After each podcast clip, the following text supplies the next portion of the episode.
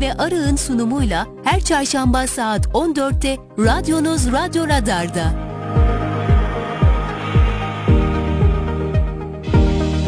Merve Arı'nın hazırlayıp sunduğu Adalet Terazisi başlıyor.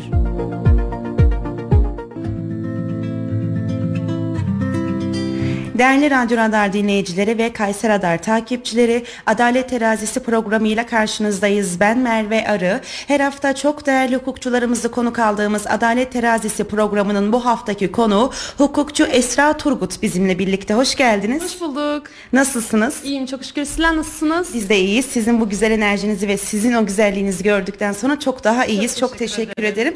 Ee, bir ön- e, daha önce de yine sizinle bir yayın yapmıştık. Evet. Çok keyifli, çok güzel bir yayın olmuştu. Tekrardan sizi ağırlamaktan gurur duyuyorum. Ee, ve beni kırmaya programa konuk olduğunuz için de ayrıca çok teşekkür ediyorum. Biz bu hafta ne koş- konuşacağız? Boşanma davasını konuşacağız. Ee, Esra Hanım aynı zamanda sadece boşanma üzerine değil hem nafaka hem velayet daha Evet. böyle hani birbirinin zincirlemesi halinde olan Evet, konuları da ele alalım istiyorum. edilen. E, siz değerli takipçilerimizin bu konuyla alakalı soruları olursa bizlere sosyal medya hesaplarımızdan yazabilir. Aynı zamanda WhatsApp iletişim hattımız hemen alt mantta numaramız yazıyor. 0352 336 25 98 WhatsApp iletişim hattımızdan da bizlere bu konuyla alakalı sorularınız olursa ya da yaşadığınız bir süreç bunlardan bizlere soru sorabilirsiniz. Hukukçumuz Esra Turgut cevaplandıracaktır diyorum. Sözü daha fazla uzatmadan sorularımla başlıyorum. Buyurun. Ee, boşanma davasını kim açarsa daha avantajlı olur diyorum. Şimdi e, halk arasında böyle bir e, izlenim var ama burada kimin ilk önce açtığı önemli değil bizler için. E, ilk açan kişi haklarını kaybetmemiş olur ama bir dezavantajlı da kazanmamış olur. Orada bir sıralamamız yok. Kim açarsa e, ona göre ilerliyoruz. Kadın açmış, erkek açmış, ben açmışım e, önemli değil. Önemli olan açılması sadece burada. Sadece e, hani şu konularda e, avantaj olabilir. Boşanma davasıyla birlikte bazı mallar üzerinde ihtiyati tedbir koyduruyoruz. O açıdan malların kaçırılmaması açısından önem arz edebilir. Yoksa kadın erkek fark etmiyor. Şimdi siz bazen hani hukukçular anlatıyorsunuz ağır kusurlu, e, tam Evet, kusurlu ya evet, da az kusurlu evet. gibi. Şimdi bu kusurlara göre çok kusurlu ya da e, az kusurlu birinin açmış olması çok şeyi belirliyor aslında. Tabii. E, zaten boşanma davamızda bizim asıl amacımız kusurlu tarafı bulabilmek. Evet. Evlilikte hangi taraf kusurluysa boşanma davasını o kazanıyor. Biz buna bazen tam kusur yükleriz. E, bazen ağır kusur veya hafif kusur. göre. Hı hı. Aynen öyle. Genellikle zaten her iki tarafta da kusurlar olur. Bizim için önem arz eden husus hangisinin daha ağır kusurlu olmasıdır. Tam kusurlu Yani tam olan kusurlu nadir. birinin açtığı boşanma davası da pek ona avantaj sağlamayacaktır. Sağlamayacak, evet. Evet. Ee, eşlerden birisi boşanmak istemezse ne yaşanır? Şimdi şöyle e, bazı davalarda bu şekilde oluyor. Karşı taraf boşanmakta ısrar ediyorsa mahkeme sunulan delilleri inceler. İncelediğinde de eğer ispatlanabilirse boşanma gerçekleşir. Karşı tarafın istememesinde e, herhangi bir istemiyorum hakimde reddediğim tarzına girmiyor. İspatlanabilmesi önemli bizim için.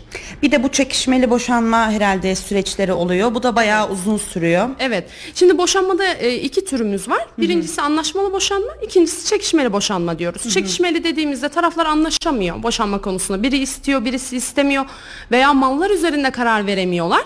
O çekişmeli davaya. Anlaşmalı boşanmada hiçbir sıkıntı yok. Protokol hazırlıyoruz. Hazırladıktan sonra mahkemeye sunuyoruz. Yalnız orada dikkat etmemiz gereken şey şu. e, mutlaka bilen bir kişiden yardım alın. Daha sonrasında protokol e, sonradan bozulabilecek bir şey değil. Hukuki bir delildir. Sonradan ben vazgeçtim. Mal, malımın şu kadarını istiyorum veya ziynet eşyalarının şu kadarını istiyorum. Yapamıyoruz. O yüzden haklarınızı kaybetmemek açısından bilen bir kişiyle birlikte protokolün hazırlanması Bir gerekiyor. de net olunması lazım. Ne Tabii. isteyip ne istemediğine Tabii dair. hakim inceliyor çünkü protokolü. Eğer e, orada e, hoş bulmadığı veya doğru bulmadığı bir şey varsa onu çıkarılmasını da isteyebilir. Takdiri hakimin. Peki bu çekişmeli boşanmalarda yani herhangi bir sebep ya da e, bir durum var ortada diyelim. Bu o anlaşmaya çevrilemiyor mu ya da bir şekilde hakimin kararı olmuyor mu burada? Tabii şöyle bir şey var. Çekişmeli boşanmalar anlaşmalı boşanmaya dönebilir. Anlaşmalılar çekişmeliye dönebilir. Mesela e, anlaşmalı bir şekilde gidiyoruz ama sonradan karşı taraf diyor ki ben anla- boşanmak istemiyorum diyor. Vazgeç. Biz sabah uyandım Vazgeçiyor. vazgeçtim diyor. Aynen. Halbuki hazır, protokol hazır, her şey hazır. Sadece e, tarafların mutlaka duruşmaya gelmesi gerekiyor anlaşmalı boşanmada. Orada hakim soruyor diyor ki hani istiyor musun? Emin misin? O da ben istemiyorum deyince otomatikman anlaşmalı boşanmamız çekişmeliye Sebep ne dönüyor. olursa olsun istemiyorum dediği an bitiyor. Tabii. Anlaşma çünkü oradaki anlaşmalıdaki en önemli şey her iki tarafın da ortak kararı. O olmayınca direkt çekişmeliye dönüyor. Peki aynı gün boşanma gerçekleşir mi? Onu anlaşmalı boşanmada yapıyoruz. Yani aynı gün e, kesin olur diyemem çünkü e, biz davayı açıyoruz. Mahkeme gün veriyor. Anlaşmalı boşanmalarda e, kendileri de çok uğraşmayacağı için mahkemelerde tebligattı şuydu buydu hızlı gün verir. Üç günde olabilir. Aynı gün içerisinde de olabilir. Buna acele boşanma da diyor muyuz? Yok öyle bir şeyimiz yok. Anlaşmalı boşanma diyoruz. Ee, peki bir de şu da var. Şimdi ülkemizde ya keşke istatistiklere baksaydım da söylesem iyi olurdu ama en çok boşanma sebebi ne olarak çıkıyor karşımıza? Ha, güzel bir soru. En çok boşanma. Genelde şiddetli geçimsizliğe dayandırıyoruz. Çünkü diğer boşanma sebeplerimiz özel sebep ve e, özellikle ispat edilmesi gereken şeyler olduğu için örnek veriyorum. E, zina mesela bunu çok e, özellikle soruyorlar bize. Onun bariz bir şekilde ispatlanabilmesi gerektiği için şiddetli geçimsizliğe dayandırıyoruz. Anlaşamıyoruz veya işte anlaşmazlıklar var aramızda deyip ona dayandırarak açılıyor genelde. Yani bütün sebepleri tek tek saymaktansa şiddetli geçimsizlik deniliyor. genel Toplu bir şekilde. Zaten aynen e, genel sebepler arasında sayılıyor e, hukuk kanunları gereğince de o yüzden ona riske girmiyoruz. Eğer elinde sağlam delil varsa okey. Yani o şekilde ilerleyebiliriz ama genellikle olmuyor. Boşanmalarda en büyük sıkıntı o oluyor zaten. Zinada mesela e, sadakat yükümlülüğünün ihlali ayrı bir şey. Zinanın ispatlanması ayrı bir şeydir. Ellerinde e, fotoğraf şubu olmadığı sürece Olmuyor. O zaman da davanın reddini e, göze almaktansa ortak bir şeye varıp oradan ilerlemek daha kolay geliyor. Doğru. Şimdi konunun başında da söylediğim gibi bugün sadece hani hep böyle boşanma üzerine değil Evet. bir de boşanmaları çok sık işleme sebebim e, şimdi boşanma oranları gün geçtikçe artıyor. artıyor. Ve e, bilinçsizlikten de mi gerçekleşiyor tam olarak bilmiyorum ama e, bu konuda bence bilinçli olmak gerektiğini Evet. düşünüyorum. Hani nasıl olacak, nasıl bitecek? Çünkü erkeklerin de kadınların da kafası çok karışık Çok boşanma karışık. davasında. Gerçekten öyle. Tam olarak bilinmediği içindir diye düşünüyorum. O yüzden de bu konular önemli. Ee, hem boşanmaya hem velayete hem nafakaya bugün değinelim istiyorum. Biraz da velayetten bahsedelim. Ee, bu arada bizi izleyen e, siz değerli takipçilerimizin soruları varsa bizlere sorabilirsiniz. Söylediğim gibi 0352 hemen alt bantta numaramız yazıyor şu an e, hatırımda değil. Oradan bizlere WhatsApp iletişim hattımızdan ya da sosyal medya hesaplarımızdan yazabilirsiniz. E, bir diğer e, konu başlığımız velayete geçiyorum. Tamam. Velayet davası açmak için ne gerekli? Şimdi e, velayet davası ayrı bir şey, boşanmanın içindeki velayet ayrı bir şey. Boşanma açtığınızda hakim geçici bir velayet verir. Bu geçici velayeti anneye veya babaya, anneanne, dede, işte teyze, amca bunlar olmuyor. Bunlara e, ileri sürüyorsak buna biz vasi diyoruz hukuken. Anne babaya yalnızca velayet verilir. Geçici bir velayet verilir bu boşanma içerisinde olan. Bir de ayrıca mesela boşanma görüldükten sonra velayeti değiştirmek için açılan davalarımız var. O velayet davasıdır. Ee, orada velayet davasında bizim için önem arz eden husus çocuğa bakılıp bakılamayacağı ekonomik durum açısından. Ee, onu inceler hakim bu şekilde. E, peki çocuğun velayeti hangi durumlarda değişir ya da değişir mi? Şimdi şöyle, e, velayet mutlaka değişir. Doşa- boşanma gerçekleştikten sonra bile velayet davası açabiliriz. Bunu e, karıştırıyorlar genellikle ama nafaka da aynı şekilde, velayet de aynı şekilde. İlk önce anneye verilmişse mesela e, anne artık istemiyordur. Böyle durumlarla da karşılaşabiliyoruz. Veya baba aynı şekilde. Baba artık bakamıyordur, şudur. Veya e, e, uyuş, hani tükettiği bazı maddeler vardır. E, ahlaka uygun olmayan, devamlılık arz ediyordur. Ona ilişkin kötü bir yaşamı vardır. Bu durumlarda velayet değiştirilir. Anneye annede anneye verilmişse anneden alınır, babaya verilir veya tam tersi de söz konusu olabilir. Haysiyetsiz yaşam mı? Tabii Evet. haysiyetsiz kötü yaşam. Ama bunların süreklilik arz etmesi bizim için önemli. Burada önemli olan husus o. Ee, yani diyelim annenin ekonomik durumu çok iyi ama dediğiniz gibi kötü, haysiyetsiz bir yaşam sürüyorsa burada durum tamamen değişir. Tabii. Zaten hakim ilk önce ekonomik duruma bakar ama eğer karşı taraf için çok bariz şeyler varsa mesela suç, hüküm giyme veya e, başka türlü kötü yaşam diyoruz. Haysi, kötü yaşam, haysiyetsiz yaşam ayrı şeyler. Bunlar veya e, dediğim gibi e, kullanıcı Şiddet. maddeler, şiddet, darp bunlar varsa e, velayet değişir. Hakimin takdirine bağlıdır. Peki mahkeme çocuğu kaç yaşına kadar anneye verir? Şimdi e, çocuğun yaşına göre değişiyor bu. Eğer mesela 3-4 yaşındaysa genellikle 3-4 yaşındaki çocuklarımız anneye muhtaç. Muhtaç olduğu için de e, hakim de genelde anneye verir. Ama çok e, elzem bir durum olmadığı sürece babaya da veriliyor. Anneden taraftadır Yani genelde. annenin ekonomik hayatı yoktur ama normal bir yaşam sürüyordur. O zaman tamam. Anneye verir. Zaten boşanması aşamasında nafakada bağlıyor ya hakim. Evet. Boşanmayı açtığımız andan itibaren biz nafakayı işlettiriyoruz, bağlatıyoruz. Ona da ekonomik durumu olmasa bile nafakası olduğu için aslında bakabilir duruma e, geliyor. Öyle olunca büyük bir şey olmadığı sürece çocuğa verilir. Ama çocuğun yaşı 6-7 olur veya işte 12'yi tamamlar. Ondan sonra pedagog eşliğinde çocuğu dinleyebilir hakim. Bazı davalarda bazıları mesela anneyi istemiyor. Genellikle hakim anneye verir muhtaç çocukları küçükleri ama istemediği sürece şahit olduğu şeylerden dolayıdır. Doğru. Babaya da verebilir. Her iki bir de burada asıl e, önem arz eden anne veya babanın velayeti istemesi. Bazen mesela her iki taraf da istemiyor. Bazen birisi istiyor, diğeri kabul etmiyor.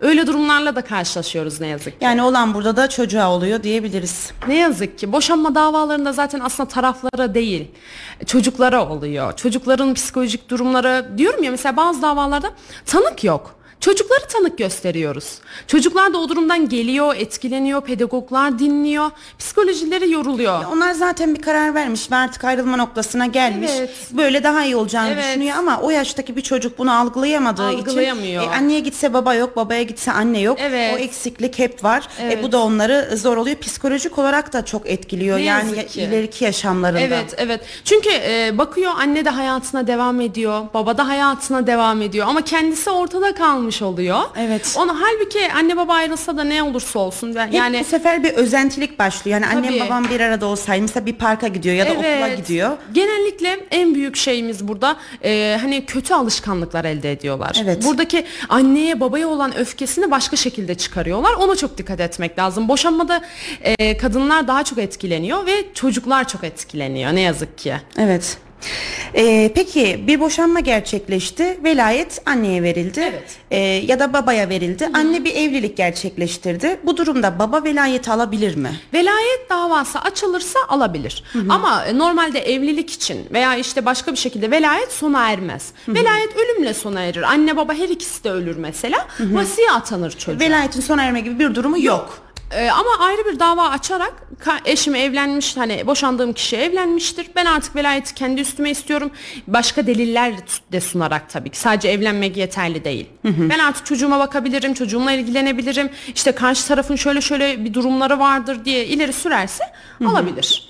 Peki çocuğun velayeti anne ya da babaya verildikten sonra çocuk bulunduğu o ortamı istemezse bunu e, değiştirebilir mi? Yani yaşının burada çok bir önemi var mı çocuğun? Şimdi eğer yaşı küçükse o, onu e, hakim ne takdir ettiyse odur. Ama karşı taraf mesela eşlerden anneye verildi diyelim veya babaya diyelim hep anneden örnek verdik. Babaya verildiğinde orada düzgün bir şey yoksa ve bu onu çocuk annesiyle paylaşıyorsa anne dava açarsa alır.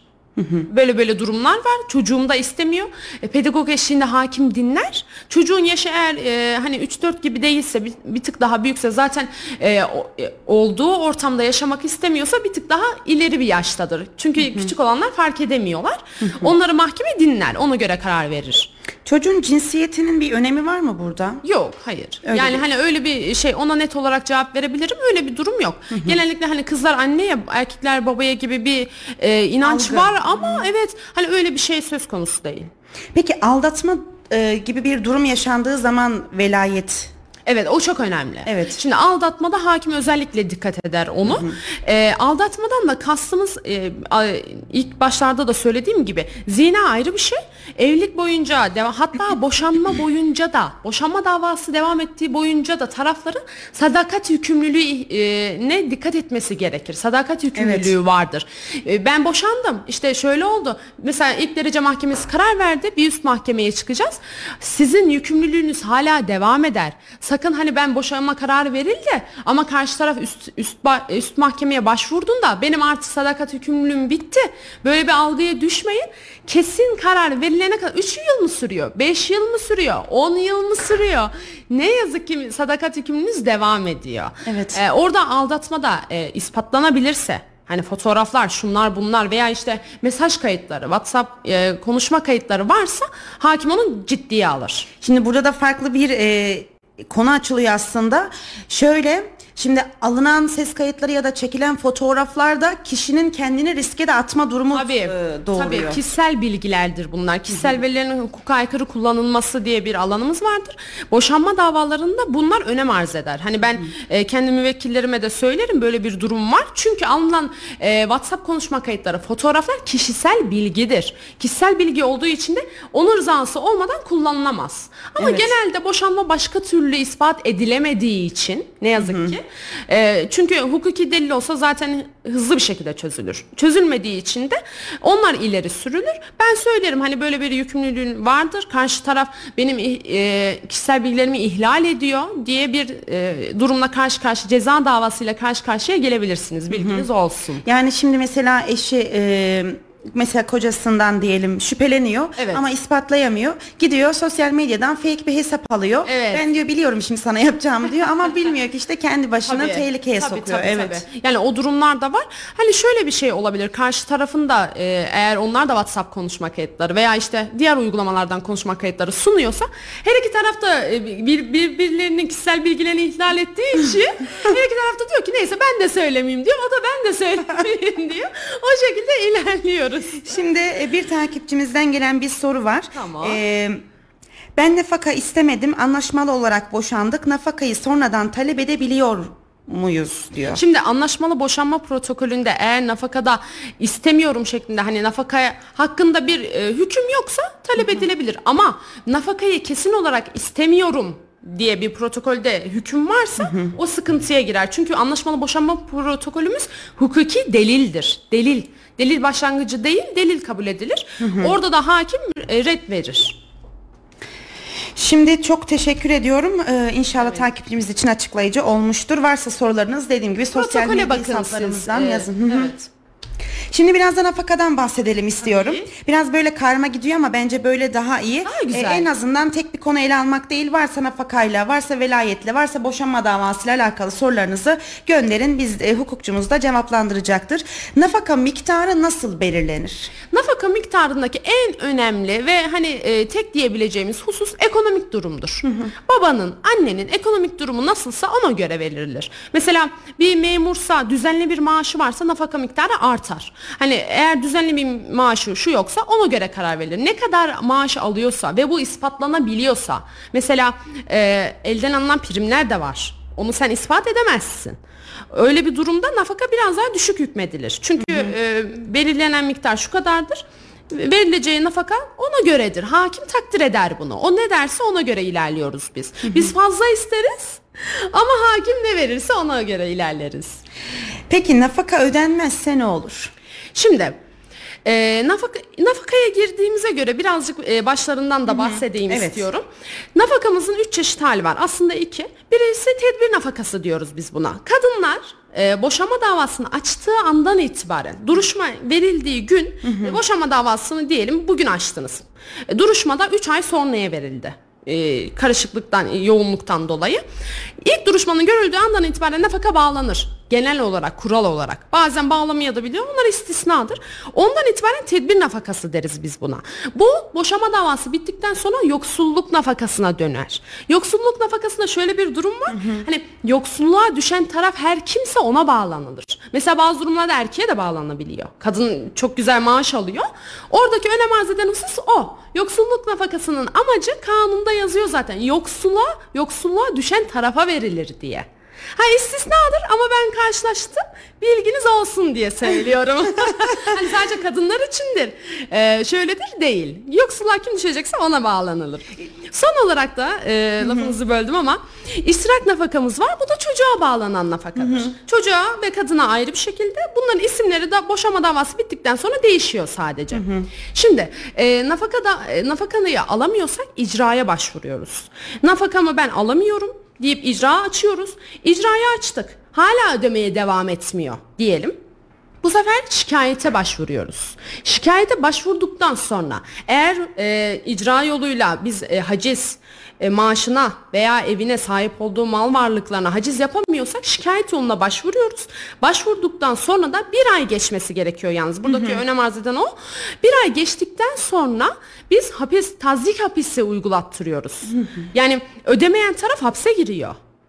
Böyle Ciddi. tabii. Onun nafakanın ciddi bir boyutu vardır. Ama hani süresi kısa 3 ay. Ama e, hiç hukuki yollara başvurmamış veya işte başından böyle bir şeyler geçmemiş kişiler için çok büyük önem arz eden şey.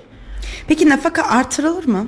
Tabii. Nafaka artırılır. Hani burada e, bir yanlış anlaşılma oluyor ama şöyle bir durum var. Nafakayı siz diyelim boşanma davası devam ederken mevcut bir şey bağlandı. Efe tüfe oranında artırıyoruz. Diyelim boşanma karar verildi. Kesinleşti kararımız. E, örnek verelim 1 milyar. Ben düşük söylüyorum. 1 milyardan sonra boşanma davası geçtikten sonra ekonomik e, sarsıntılardan dolayı o 1, milyar e, çöp oluyor. Bir işe yaramıyor. Bundan sonra biz nafaka artırım davası açıyoruz. Onu açtıktan sonra da e, hakim tekrar ekonomik durumlara bakarak artırım verir. Ha, bu süre yalnız e, boşanma davası kesinleşti. Bir ay sonra tekrar açayım olmaz. Yani e, belli bir süre geçmesi lazım ki o para e, şeye gelsin bir manaya yaramasın davanın açılış nedeni hukuki yarar mevcut olsun. Dava nafaka artırılabilir hiçbir sıkıntı yok. Ayrıca dava da açabiliriz. Velayet gibi bu aynı. Onda bir sıkıntımız yok. Yani hiçbir şeye girmeyin, tereddüte girmeyin. Sadece süre biraz geçmesi lazım. Geçtikten sonra genellikle de hakim artırır zaten. Yani daha neler öğreneceğiz neler diyorum. Şimdi nafakaya kaldığımız yerden bir reklam arası verelim öyle devam Tamam. edelim. Bu arada takipçilerimizden gelen sorular var onları da cevaplandıralım istiyorum. Değerli Radyo Radar dinleyicileri ve Kayseri Radar takipçileri Adalet Terazisi programı kısa bir aranın ardından yeniden sizlerle. Yayın tekrarı.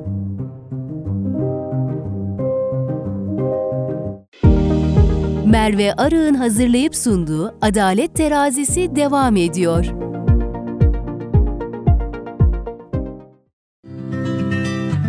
Değerli Radyo Radar dinleyicileri ve Kayseri Radar takipçileri Adalet Terazisi programına kaldığımız yerden devam ediyoruz. Bu hafta hukukçu Esra Turgut bizimle birlikte. Kendisi, e, hoş geldiniz diyorum tekrardan. Çok sağ olun. Arada böyle bir dilim sürtüşüyor kusura bakmayın.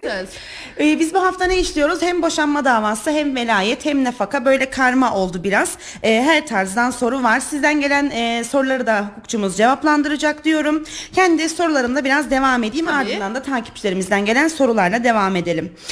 Şimdi e, belirlenen nafaka, nafakada kalmıştık en son. Evet. Belirlenen nafaka her yıl nasıl artırılır? Belirlenen nafakayı artırabilmenin tek yolu dava açmaktır. Ne yazık ki öyle. Her yıl mı? Ee, mesela zaten belirlenen bir nafaka varsa o uzun yıllar geçmediği sürece, bir iki yıl geçmediği sürece hakimler de değiştirmez. İlam olmadığı sürece nafakayı değiştiremezsiniz. Dava açılacak mecburi bu. Ne yazık ki hani şuraya başvurayım artırılsın yok. Hakimin kararı olması lazım. Anca o şekilde artırılabilir. Yani biraz da Evet. şey, zor, zor yani. zorlu bir süreç ama Evet. Evet. Peki bu nafakanın e, az- e, artırılmasından ziyade azaltılması ya da kaldırılması mümkün mü? Tabii o da mümkün. Mesela şimdi biz hep kadınlardan bahsettik ama biraz da erkek tarafıyla yorumlayalım. Ee, mesela bazı erkekler nafakanın fazla olduğunu veya ödeyemeyecek durumda olduğuna istinaden dava açılıyor. Yine bunu dava yoluyla açıyoruz. Nafakanın düşürülmesi davası diyoruz biz buna. Eğer ispatlanabilirse delillerle birlikte işte mesela diyelim yeni kişinin e, kadının başta boşama davası görülürken maddi durumu yoktu. Ama boşama davası bittikten sonra işe girdi. Düzenli bir maaşı var. Artık kendi ekonomisini devam ettirebiliyor. E, erkek de burada hani e, zora düş zora düşen bir taraf olacak. Bu nafakanın düşürülmesi diye dava açıyor. Eğer çalıştığını düzenli maaşı SGK aracılığıyla e, bu maaşın ödendiğini ispatlanabilirse düşürülür. Öyle bir durum da var. Tabii. Yani hep böyle artırılacak artırılacak diye bir Tabii, şey yok. yok, yok. Azaltılabilir tamamen kaldırılabilir. kaldırılabilir. Zaten çok affedersiniz nafakanın kaldırılmasında çocuk 18 yaşı doldurduktan sonra özellikle bu e, bize sorulan sorulardan birisidir. E, 18 yaşını doldurduktan sonra nafaka kapanır. Biter. Ama eğer burada e, öncelik arz eden husus şu 18 yaşından sonra bazı e, öğrenciler mesela çocuklar üniversiteye devam ediyor. Evet. O ispatlanırsa nafaka devam eder. Bilginiz olsun bu konuda. Yani 18 yaşına girdi, nafakan bitti. Ben artık nafaka ödemeyeceğim çocuğuma gibi bir durum yok. Okuyorsa, ispatlanabilirse tanıklar aracılığıyla Zaten yani bu sizin çocuğunuz. Yani Evet, sizin çocuğunuz. evet. Başka birini ödemiyorsunuz. Tabii. Ben Bence as- artık nafakadan ziyade fazla fazla da ödemesleri gerekiyor diye Kesinlikle. düşünüyorum. Yani ben taraflara da gelen e, soran kişilere de söylüyorum. Siz ayrılabilirsiniz ama o ortak. Yani ölene kadar o sizin çocuğunuz. Zaten o bir ayrılıkla bir böyle bir e, kötü bir dönem, zor bir dönem geçirmiş. Tabii. E, psikolojik Tabii. olarak travma sonuçta Tabii. yani bu da. E bari eğitim hayatında güzel bir yerlere Desteğini alsın. bir destek evet. olsun. Aynen yani öyle. her iki taraf için de anneye de öyle, babaya da öyle. Sizle- sizler için zor ama çocuk için ekstra zor. Ee, nafakayı ödemeyeyim veya mesela bazı babalar şöyle bir durum oluyor. Tamamen kopartıyor iletişimi. Çocuklar mesela bizimle konuşuyor. Hani ben ulaşamıyorum. Aynen sırra kalem basıyor. Evet ben, ben arıyorum ulaşamıyorum babama avukat hanım ne yapabilirim? Hani bunu da tavsiye etmiyorum çünkü o sizin çocuğunuz ne olursa olsun. Sonuçta siz ayrılmak için evlenmediniz. Ha, boşanma e, anlaşamadınız bir şeyler oldu. Hadi maddi olarak olmadı bari manevi olarak yanında Kesinlikle. kesinlikle bulunmaları lazım. Çünkü e, bu sefer o sevgiyi dışarıda aranıyor. Çok Evet daha kötü huylar oluyor. alışkanlıklar ediniliyor. Evet. Şimdi bir diğer sorum e, boşanma davasıyla da alakalı Tabii. biraz ama çok da sık gelen bir soru. E, gözümden kaçmış şimdi sorayım istedim. Tabii. Zinet eşyalar kimde kalır? Evet en güzel konumuz. Aynen, zurnanın Kadınların en çok yer. sevdiği konu. Şimdi zinet eşyaları kural olarak kadınındır. Kadın e, düğünde takılan altınların tamamı kadına aittir. Bu boşanma sonrasında gerçekleşse bile o zinet eşyaları kaybolsa bile e, sadece şöyle bir istisnamız var. Hibe ettiyse eğer erkek tarafına hibe ettiyse zinet eşyalarını geri alamaz. Ama o hibenin ispatlanması gerekir. Kural olarak e, düğünde takılan altınları hakim kadına verir. Aynen iadesini verir veya bedelini verir. Mutlaka kadınındır yani. Hatta şunu da söyleyebilirim. Mehir. Mehirde eğer sözleşme yaparsanız o sözleşmeyi e, elinizde e, korursanız, devam ettirirseniz altında imzalı olmak şartıyla yalnız. Sadece sözleşmenin yazması yeterli değil. Altında tarafların imzası olursa biz onu da istiyoruz. Evet. Tabii mehir de çok önemli. Mesela orada genellikle e, şu kadar kilo altın veya işte şu kadar gram altın derler. Zinet eşyalarında düğünde takılan e, videolarla birlikte çeyrek altın, bilezik şu bu olur. Ama mehir daha yüksek miktarlar Evet olur. hakim e, düğün klibini izliyor İzler. diye biliyorum. Tabii. Zaten bizim zinet eşyalarını ispatlamamız düğün fotoğrafları, düğün videoları veya en son olarak tanıklar. Hmm. Yalnız o düğün videolarını, fotoğraflarını lütfen silmeyin. Hani biliyorum boşanmak için evlenmiyorsunuz. Ama ne olursa olsun yani özellikle kadınlar açısından çünkü o zinet eşyaları dava tarihindeki bedele göre e, değerlendirilecek. Sizin aldığınız 10 yıl öncekine göre değil. Burada kadınlar çok şanslı aslında. Evet. O yüzden hani o fotoğrafları şunları bunları e, muhafaza edin. Muhafaza edin. Ne olur ne olmaz. Dünyanın bin bir türlü hali Hiçbir var. şey olmasa bile anı olur. Hadi boşanmadın Aynen anıları öyle. kalır. Torunlarına gösterirsin. Tabii. Çünkü bize ne kadar elimizi ne kadar güçlendirebilirseniz biz mahkemede o delilleri sunuyoruz. Çünkü delil olmadan hiçbir şey olmuyor. Hiçbir şey olmuyor. Zaten onlar biz iddia diyoruz. Karşı tarafın iddiaları bizim iddialarımız. Delillerden sonra ispatlanma aşamasına geçiyor. Çok teşekkür ediyorum Ne bu demek? arada. Şimdi e, takipçimizden gelen sorularla devam edelim. Nafaka borcum ne zaman bitecek diyor. Süper. Nafaka borcunuz bitmiyor ne yazık ki. yani erkekler için üzgünüm ama böyle. Boşanma davalarında ne yazık ki kadınlar çok şanslı. Kanunlar hep ondan yana. Dediğim gibi az önce saydığım gibi eğer e, ekonomik durumu iyi olursa, kadının ekonomik durumu iyi olursa veya e, affedersiniz. Evet. Çocuğa çocuk 18 yaşını doldurduktan sonra okumazsa hani bu gibi durumlar olursa nafakanın e, sona erdirilmesi davası açılır, kaldırılması davası açılır ancak o şekilde. Yoksa durduk yere eğer ödemeyeyim, şöyle yapayım böyle bir durum söz konusu değil. İcra diyorum ya icraya Mesela koyuyoruz. evlenmiştir, eşi ödemesini istememiştir. Öyle hani kadın vazgeçebilir nafakadan. Ve ben hayır hayır. istemiyorum. Adamın evlendiği Ha, ikinci tabii, eş yani öyle diğer eşi. istemese bile devam ediyor. Yeni evlendiği kişi hani ben istemiyorum artık nafaka ödeme öyle bir durum söz Öyle bir durum konusu yok. değil. Söz konusu değil. Yani evleniyorsanız ona göre evleneceksiniz. Çünkü erkek bunu e, daha doğrusu yoksulluğa düşen taraf ödemekle yükümlü. Ancak karşı taraf vazgeçerse veya çocuk evlenirse bu gibi durumlarda kaldırılabilir sadece. Onda da dava açıyoruz. Lütfen beklemeyin. Hani e, şöyle kaldırılır, böyle kaldırılır. Böyle bir hiçbir imkanı yok. Mahkemenin kararı ilamı olmadığı sürece o nafaka kalkmaz. Sizi mesela icraya da koyabilir. Diyelim mesela bir iki ay mühlet verdi kadın.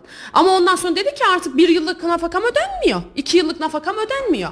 İcraya koyayım artık ödenmiş miktarların tamamını alayım diye. Yalnız orada e, nafakada sadece geriye dönük 3 aylık nafaka alabiliriz. Ona göre açın. Hani ben bekleyeyim bir yılı toplu alayım. Şöyle yapayım. Bu sefer o bir yıldan hepsinden olabilirsiniz. Şey. O zaman Aynen. hakkın kötüye kullanılması olur. Bu sefer olan para da gidebilir. Tabii. Yani, Yani. beklemeyin. Bu süreçlerde Aynen. çok fazla hani bir iki ay artık neyse ama mesela bazı e, Hiçbir şey birikmez, hiçbir şey beklemez. O an onu almaya bakın. Tabii korun. Aynen. Bu kadar beklemeye gerek. Hukuk da çok fazla beklemeye gelmez. Çünkü yargılama da zaten uzun sürüyor. Boşanma davaları minimum 2-3 yıl. Yani hani bir, bir buçuk yılda biten çok nadirdir. Çekişmeli boşanmalardan bahsediyorum. Anlaşmalar bir haftada, bir ayda halledilir. Gerçekten uzun, yorucu ve uzun, zor ya. Çok zor bir süreç. Özellikle kadınlar için. Hele ki e, çalışmayan veya kendi ayakları üzerinde duramayan kadınlarımız için daha zor bir süreç ama dirayetli olun. illaki oluyor. Sonuçlanıyor yani ne olursa olsun. Evet. Bir diğer soru takipçimizden e, eşime ödediğim nafaka çok yüksek. Nafakayı düşürebilir miyim? Düşürebilirsiniz. Düşürebilirsiniz. Hiçbir dedim ya hep kadınlardan bahsettik. Biraz da erkeklerden bahsedelim diye. Evet. Dava açılacak. Ee, onun neden yüksek olduğu. Mesela e, bazı babalar işten ayrılıyor, işten çıkartılıyor. Böyle bir durumda o nafakayı ödeyecek bir miktarı yok. E, bunları ispatlanabilirse tanıklar aracılığıyla veya işte e, iş sözleşmesine dayalı SGK bildirimi diyoruz biz ona iş hukukuna girer. Onları sunduğunuz takdirde düşürülebilir. Artırılabildiği gibi düşürülebiliyor. Burada tamamen dava açmanıza bağlı. Mesela bir diğer takipçimiz de şimdi şunu yazmış. Aldığım nafaka çok düşük. Ne yapabilirim? Nasıl artırabilirim demiş. Dava açıyorsunuz ne yazık ki. yani başka türlü olmuyor çünkü nafakayı hakim takdir ediyor. Aynı şekilde verilen hüküm yalnızca diğer bir hükümle bozulabilir. Evet. Mahkeme yargılamayı yapar en sonunda düşürür veya artırır. Yani hiçbir şey kendiliğinden gelişmiyor. İlla Tabii. bir hakimin Tabii. eli değmesi Tabii, lazım. tabii, tabii. Hı hı. Ee, bir diğer takipçimiz eşim nafakayı ödemiyor. Şikayet edersem ne olur diyor. Süper. Buna zaten değinmiştim az önce. hani genelde beklediğim sorular olduğu için diyorum harika. Diğerleri biraz benzerdi o yüzden. Şimdi icraya koyuyoruz nafakayı. Evet. İcrada e, ödeme emri gönderiyoruz. O ödeme emrini tebliğ ediliyor taraflara. Buna rağmen eğer ödemezse biz artık şikayet yoluna başvuruyoruz. İcrada maaş hacizi olur. Mal varlıkları varsa onlar olur. Veya diğer tapudur, aileden kalan şudur budur. Hani üzerinde mal varlığı varsa o icra nafaka kesinlikle alınır. Ama bazıları mesela e, maaşını bildirmeden elden alarak çalışıyor. Böyle bir durumda biz maaş hacizi yapamayız. Bizim için önemli e, olan şey resmi evraklarda gözükmesidir. Biz Evet. ona haciz koyuyoruz zaten. Gözükmüyorsa sıkıntı. İşte o aşamada da diyorum ya bir şikayet yolumuz var. Bir ay bekliyoruz tebligat yapıldıktan sonra. Sonra tazik hapisi deriz biz buna hukuken. Yani hapis. Hapise e, hapiste e, korkutuyoruz diyelim. Onu da alınca hapisten sonra öde büyük ihtimalle öderler. Zaten hapise bildirisi gönderdikten sonra taraflar erkek tarafa öder genelde. O şeye girmemek için. Hele ki şöyle düşünün. Çalışıyorsa bir iş yerinde e, makam mevki sahibi ise o riske girmemek için bile öder. Çünkü fazla fazla bile öder. Tabii çünkü hapise girecek hem kendi e, bulunduğu yerde sarsılır. Belki iş sö- söz- sözleşmesi feshedilir öyle durumlarla da karşılaşıyoruz. Çünkü çoğu iş yeri kabul etmez bunu. Hapis olunca iş yerine de gidemeyecek. Hapiste Doğru, olmuş evet. oluyor. Aynen öyle. İtibarı da Tabii. zedelenir. Ee, boşanma davasında nafaka istenmediyse boşandıktan sonra isteme hakkım var mı? Varsa bu dava ner bu davayı nerede açabilirim diyor. Nafaka davalarımızda görevli mahkeme aile mahkemesidir. Onu söyleyelim. Yetkili mahkemede tarafların ikametgahının bulunduğu yer. Evet. Tamam. Öncelikle bunu söyleyelim. Şimdi boşanma davasında benim özellikle bir bilen kişiyle çalışmanızın devam etmeniz devam edin demem dememin nedeni bu. Çünkü eğer sen başta istemiyorsan sonradan bunu ileri süremiyorsun. Dava devam ettiği sürece istersin ama dava bittikten sonra ben nafaka istemedim. Verilen karar var. Orada ispat çok zordur. Talep edilemez yani. Şimdi e, bir diğer takipçimiz de yine aynı soruyu sormuştu. Tam olarak e, ikisinin de cevabını vermiş oldunuz. Süper. Eşim tedbir nafakası ödemiyor. Maaşına banka hesaplarına taşınmazına haciz koyabilir miyiz? diyor. Tabii. Tabii ki. Zaten icradaki amacımız bu bizim. Sadece maaş hacizi veya işte mal varlıklarına haciz değil. E, belirtildiği gibi bankalardaki miktar e, paraları ya da işte döviz e, altın odur budur varsa onlara da haciz koyduruyoruz biz. O yüzden nafaka ödenmiyorsa 3 sadece geriye yönelik 3 aylığı isteyebileceğimiz için beklemeyin lütfen. İcraya başvurduğunuz anda maaş olur.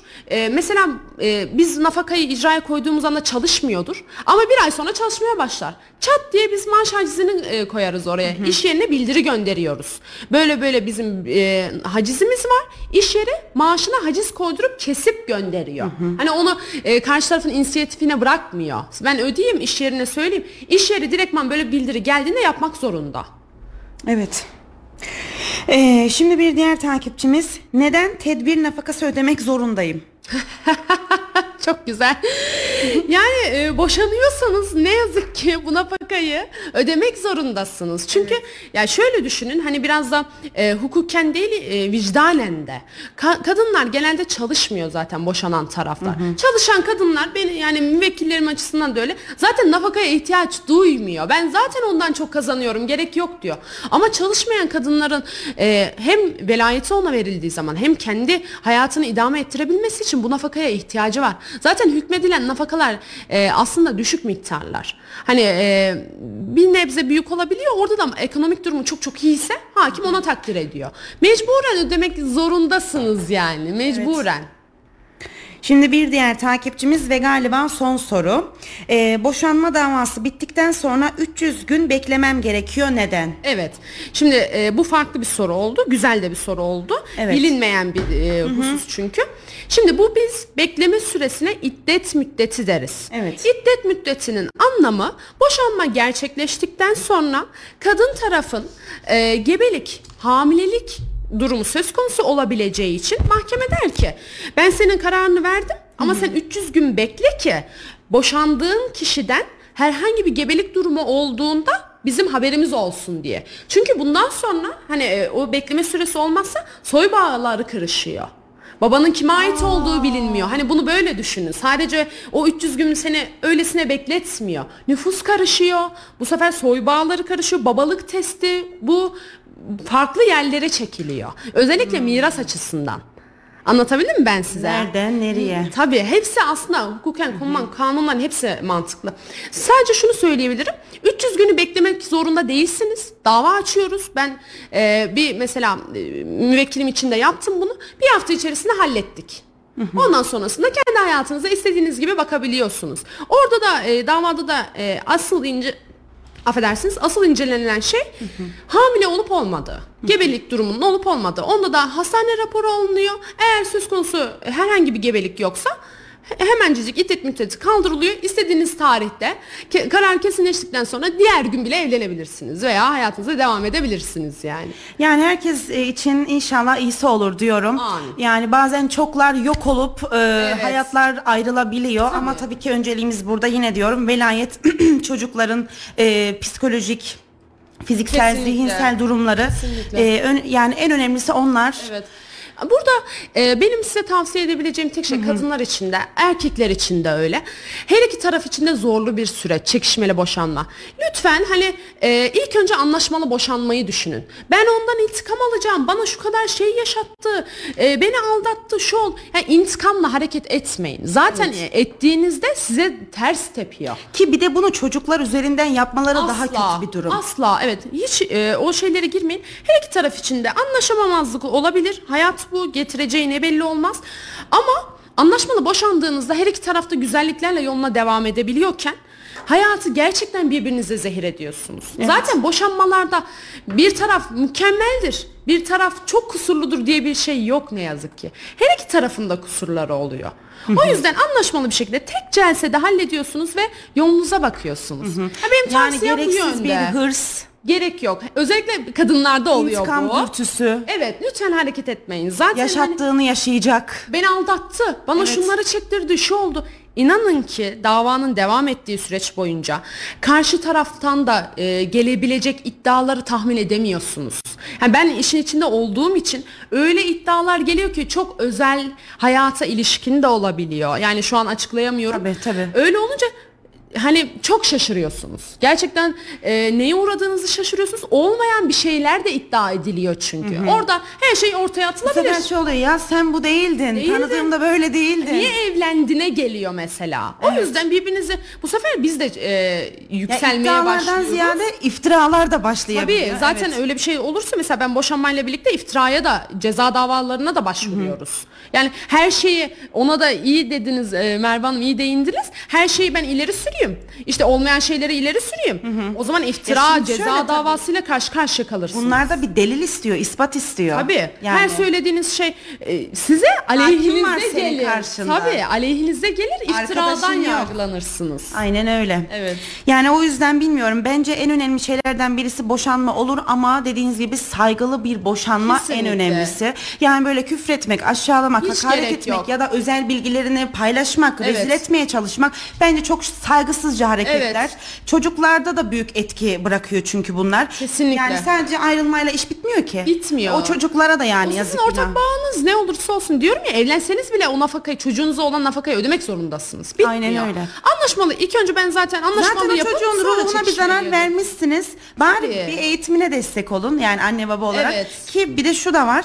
Ee, hatta bir ara duymuş muydunuz bilmiyorum. Evlenmeden önce bir anne baba olmaya Evet, uygun musunuz şey testi. Getirilse Kesinlikle çok çok, çok iyi güzel olur. olur. Çok çok evet. iyi olur. Çünkü gerçekten hazır olmadan genelde e, özellikle en büyük hata toplumda evlilik kötüye gittiği zaman çocukla düzeltilmeye çalışıyor.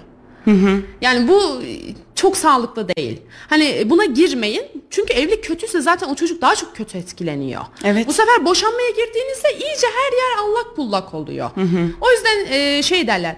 Boşanabileceğiniz kişilerle evlenin derler. Bu da benim bir tavsiye gibi e, nacizane bir söylemim olsun. Yani tabii ne kadar seçilebilir bilmiyorum ama Evet. bu tamamen kader ve şans. Şans. Çünkü yola çıktığınız insan Farklı yolun sonunda oluyor, çok evet. farklı olabiliyor. O yüzden Allah herkesi insanlarla ya da herkesi kendisi gibi biriyle karşılaştırsın Evet, inşallah, diyorum. inşallah. Çok teşekkür ediyorum. Rica ederim. Sonlandırıyorum. Gerçekten Ben ayaklarınıza sağlık, Çok sağ ağzınıza olun. sağlık. Takipçilerimizden gelen soruları cevapladığınız için de çok teşekkür Ne demek. ediyorum.